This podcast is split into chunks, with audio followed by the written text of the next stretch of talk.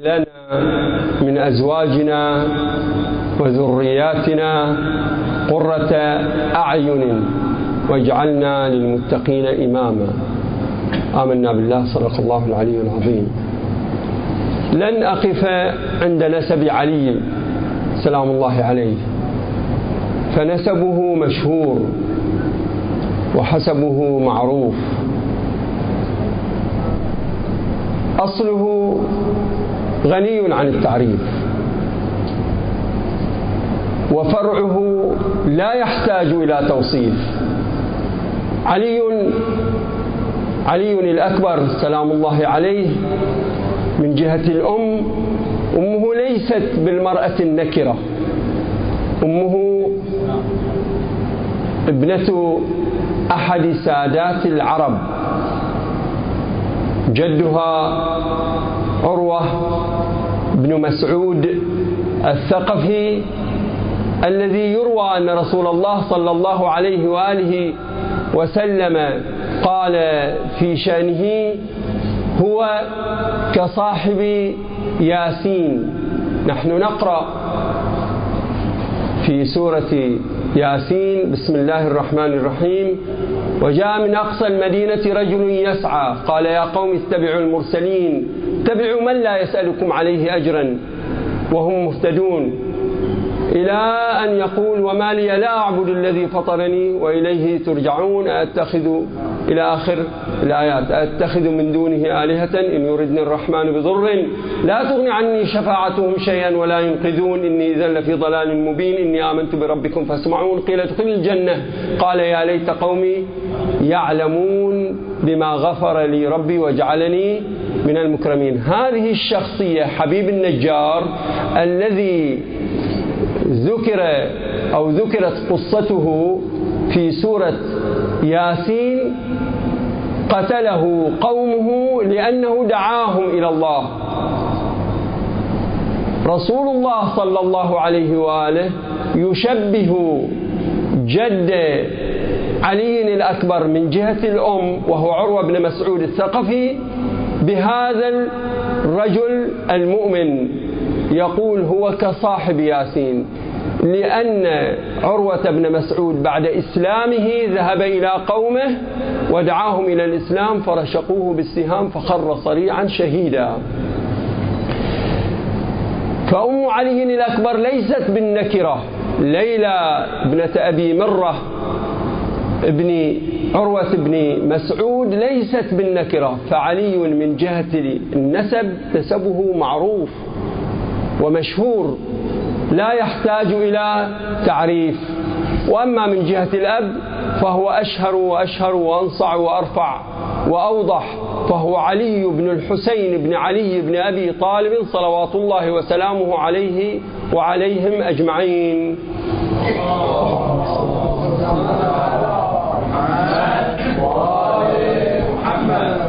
علي الأكبر هذا يقول في شأنه أبوه الحسين بن علي حينما برز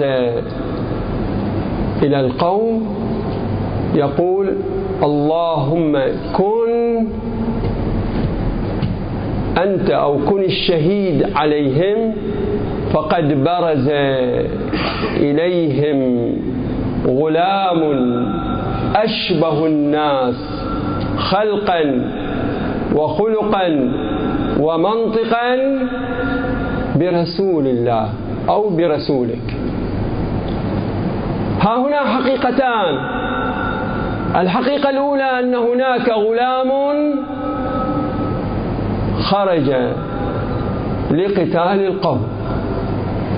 الحقيقة الثانية أن هذا الغلام هو أشبه الناس وليس, وليس يشبه لا. أشبه الناس برسول الله. لاحظ كلمة أشبه يعني أكثر شبها حقيقتان الأولى أن هناك غلام أن هناك غلاما ظهر وخرج لبراز أو لقتال القوم. فهل هذه الحقيقة تستدعي وتتطلب وتقتضي من الإمام الحسين أن يجعل الله شهيدا عليها. يقول اشهد يا رب أن هناك غلام مني من أهلي خرج لقتالهم وقد كان قبله غلمان خرجوا لقتال القوم. هذه الحقيقة ناصعة. واضحة ما يحتاج واحد يشكك فيها. حتى تستدعى شهادة الله على هذا الحدث. إذا هناك حقيقة ثانية يريد الإمام سلام الله عليه أن يثبتها وأن يقول أن هذه الدعوة التي أدعيها شاهدها الله. وهي أن هذا الغلام أشبه الناس برسول الله. هذا الغلام أشبه الناس برسول الله. إذا الإمام الحسين صلوات الله وسلامه عليه حين استدعى شهادة الله والله هو الحق ولو اتبع الحق أهواءهم لفسدت السماوات والأرض. الله هو الحق ولا يشهد إلا بالحق. والقائل معصوم لا ينطق عن الهوى. فأي حقيقة أنصع من هذه الحقيقة؟ أن علي الأكبر أشبه الناس برسول الله. فليس هذا التعبير محمولا على المبالغة. أبدا. رسول علي الأكبر أشبه الناس برسول الله في زمنه. ويؤكد ذلك أنه كان يقول في رواية أخرى وكنا إذا اشتقنا إلى وجه نبيك أو إلى نبيك نظرنا إلى وجهه فما هي صفة علي الأكبر؟ إذا صفة علي الأكبر هي صفة رسول الله. ما هي صفة رسول الله؟ إحنا نتلو مقطع من ما ورد عن صفة رسول الله لنقرب وصف علي الأكبر سلام الله عليه. الإمام الحسن يروي هذه الصفة عن هند بن أبي هالة التميمي. يقول قلت له صف لي رسول الله. فقال كان رسول الله كان رسول الله صلى الله عليه وآله وسلم فخما مفخما. يتلألأ وجهه تلألؤ القمر ليلة البدر. أنا أذكر هذه الصفة؟ لتتخيل من؟ عليا عليا الأكبر. كان رسول الله صلى الله عليه وآله فخما مفخما يتلألأ وجهه تلألؤ القمر ليلة البدر. عظيم الهامة رجل الشعر. إذا انفرقت عقيصته قرن. أنا أدري في بعض الكلمات مي واضحة بس مو مقام الشرح. إذا انفرقت عقيصته قرن وإلا فلا يجاوز شعره شحمة أذنيه إذا هو وفرة أو إذا هو وفرة. أزهر اللون. واسع الجبين. أزج الحواجب سوابغ في غير قرن بينهما عرق يدره الغضب. أقنى العرنين له نور يعلوه يحسبه من لم يتأمله أشم. كث اللحية سهل الخدين. أدعج. ضليع الفم أشنب. أشنب يعني أبيض أسنان. بياض الأسنان يسمونه الشنب. ضليع الفم أشنب.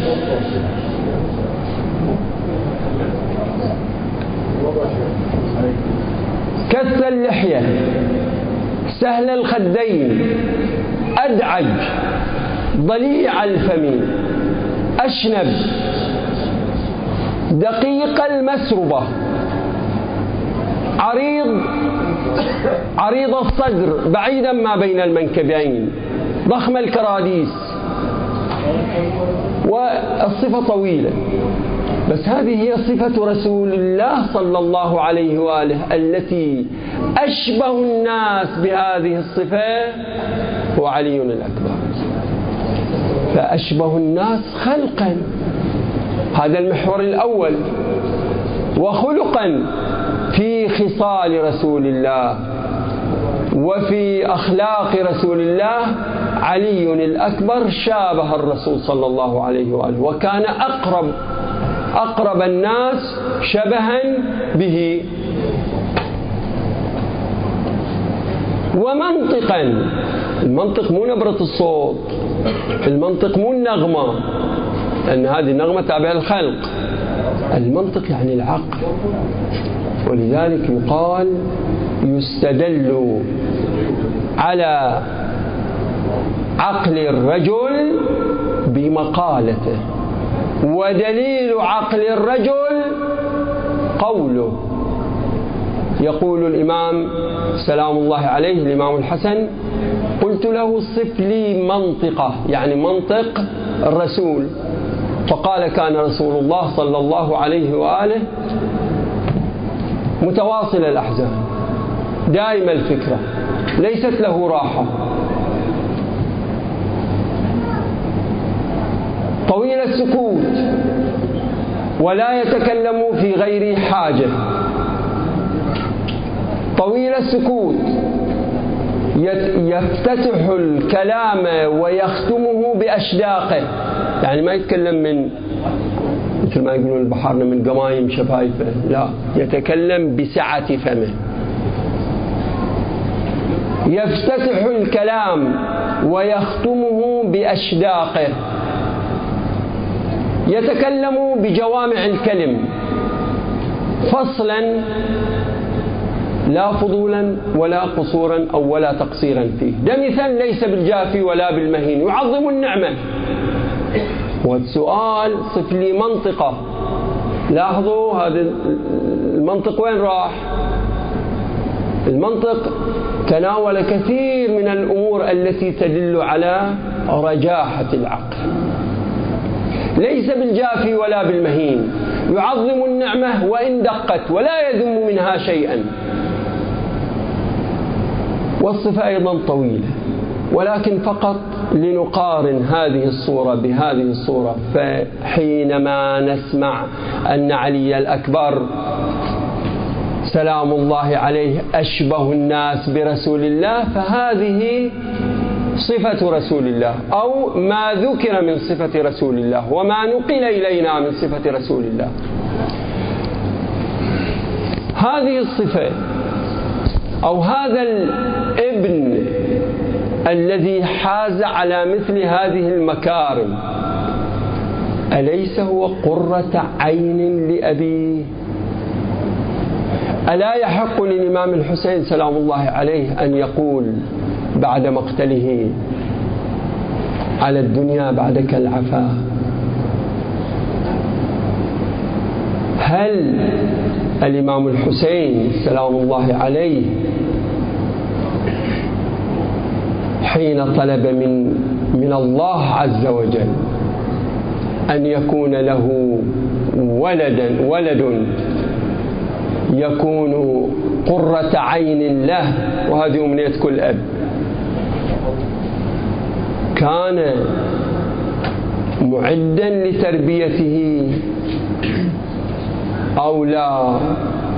الإمام علي سلام الله عليه حينما كان يقرأ هذه الآية التي تلوناها والذين يقولون ربنا هب لنا من أزواجنا وذرياتنا قرة عين يقول والله ما سألت ربي أو ما سألت ربي ولدا نظير الوجه ولا حسن القامة. المرض واحد مرتب وجهه قوامة فشيق. وشعره مسبسب ما سألت ربي ولدا نظير نظير الوجه ولا حسن القامة. ولكن سألته ولدا مطيعين لله خائفين وجلين منه حتى إذا نظرت إليه وهو مطيع لله قرت عيني. قرت عيني يعني شنو؟ قر لها معنيان قر بمعنى برد وقر بمعنى استقر. فقرت عيني إما بمعنى بردت عيني ولذلك يقال إن دموع الحزن حارة ودموع السرور باردة أنا لما أشوف هذا الولد مرتب أخلاقا ودينا تقر عيني يعني تبرد. بعد الدمعة إذا بتطلع منها تطلع دمعة فرح مو دمعة حزن وأسى وكمد وضيقة خلق. أو لا. قر بمعنى استقر. يعني هذه العين التي دائما تطمح إلى الأفضل وإلى الأعلى وإلى الأكمل حصلت بغيتها وحصلت مطمحها. بعد قرت هنا. فإذا حصلت ولد مطيع لله ولدا مطيعا لله وجلا منه عاملا بأحكامه ملتزما بفرائضه هذا هو نعم البغية بعد لا أريد شيئا وراءه. هؤلاء أهل البيت صلوات الله وسلامه عليهم أجمعين الذين كانوا يطلبون هذه القرة قرة العين. كانوا يعملون. فعلا كانوا يعدون أبنائهم إعدادا يؤهل هذا الولد لأن يكون في المستقبل قرة عين أو لا زرع الله على الله. جيبه وبعدين اللي يصير يصير. نشأ تقيا فلله الحمد. وإن نشأ شقيا فلا حول ولا قوة إلا بالله. أهل البيت صلوات الله وسلامه عليهم كانوا يعدون الابن ليكون قرة عين لهم. بمعنى كلكم راع وكلكم مسؤول عن رعيته. كان معمولا به فيهم. بمعنى قوا أنفسكم وأهليكم نارا. كانت الآية لها مفعولها أو لا؟ حال الناس الآن ونسأل الله أن لا نكون ممن يهمل تربية الأبناء. حال الناس الآن اهتمامهم بأن يكون الولد قرة عين في الدنيا وفي علوم الدنيا وفي أحوال الدنيا وفي متطلبات الدنيا يعني لاحظ إيش قد من الوقت الأب ينفق أو يصرف ويقضي من الوقت لتربية ابنه في الجانب الديني. إيش قد من الجهد يبذل في تحسين أخلاقه وتفقيهه في الدين. إيش قد من المال يعطي. واحد لو ياخذ ورقة وقلم ويقعد من الصبح ساعتين ثلاث يحسب إيش قد أنا أعطيت ولدي من وقتي ومن جهدي ومن مالي للدين مو للدنيا.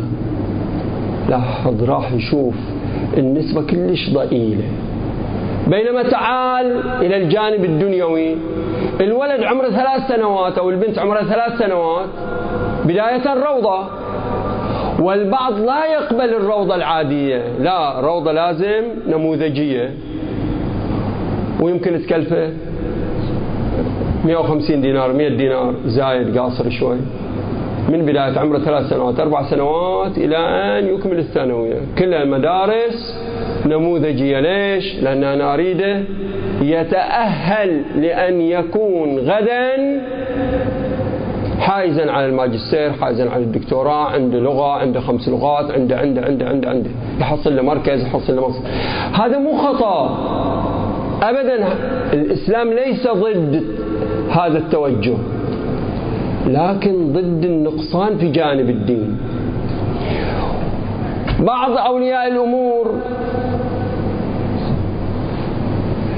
من تنعقد النطفة أو من يولد له مولود يخلي له رصيد في التأمين في أليكو أو في غيره من الشركات التأمين يقول هذا الولد إلى هالقد رصيد؟ ليش؟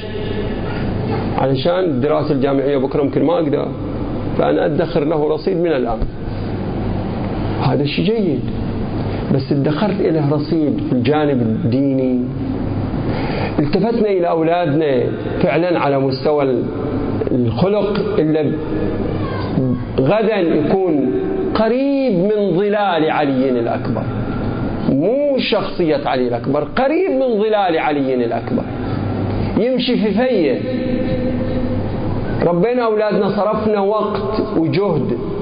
فكرنا إنه إيش قد أنا لازم أعطي ولدي من الوقت علشان يتعلم الفقه. لاحظوا الآن واحد يوصل عمره خمسين سنة.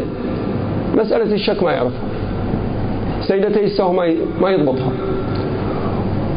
هذا من الدين. هذه من المسائل المبتلاة إحنا ما عليك كبرنا. بعد راحت علينا. خلينا نتدارك أولاد اليوم ننشئهم صغار. كل شيء يريده الولد أنا أوفر له. يريد لابتوب آيباد تليفون انترنت 24 ساعة كل شيء كل شيء في الجانب المادي موفر يعلمون ظاهرا من الحياة الدنيا وهم عن الآخرة هم غافلون أو غافلون. إذا إحنا إذا أردنا أبناء تكون لنا قرة عين نحتاج إلى تحمل مسؤولية. لعل الله يرزقنا يرزقنا ولدا يسير على خطى أهل البيت صلوات الله وسلامه عليهم أجمعين. لعل الله يرزقنا ابنا يكون خائفا منه وجلا. بس هذا يحتاج إلى ماذا؟ يحتاج إلى ترتيب. وإلا هذا مجرد الدعاء ربنا هب لنا. من أزواجنا وذرياتنا يبقى دعاء. إذا كان في إطار المستطاع يعني واحد يسعى وهو يدعو فدعاؤه يدل على جديته. يقول أنا ماخذ أخذت بأسباب الظاهرة والأسباب الباطنة أسباب الغيب ما أدري عنها فأنا أدعو الله عز وجل أن يوفق ويجمع لي الأسباب التي لا تنالها يدي. وهذا ما عندي طريق إليه إلا الدعاء. وفي نفس الوقت أنا أسعى. قاعد أربي قاعد أعلم راح أبحث عن ولدي. ولدي بمقدار ما يدرس من المدارس الدنيوية والعلمية. إيش قد درس من الدين؟ بمقدار ما اكتسب خبرات. إيش قد اكتسب أخلاق؟ إيش قد اكتسب ملكات؟ فأنا أسعى إذا كنت أسعى في هذا الإطار وأدعو يكون هذا الدعاء رمز الجد وأيضا هو من ضمن السعي. أما إذا كان لا واحد يدعو ولا يعمل وهو يستطيع أن يسعى يقول أنت قاعد تهزأ. وهذا دليل دعاؤك دليل التواكل والكسل. فنحن مطلوب منا خاصة في هذا الزمن الزمن الذي أكثره فتن وأكثره ضلالات بحاجة إلى تحصين أبنائنا بحاجة إلى السعي يعني احتفال علي الأكبر هذا احتفال الشباب. بس شلون يكون احتفال شباب أن, أن يكون هذا القدوة ليس فقط قدوة للشباب تحتذي به قدوة للآباء أن يجعلوا أبنائهم أو أن يسيروا بأبنائهم ليكونوا مثله.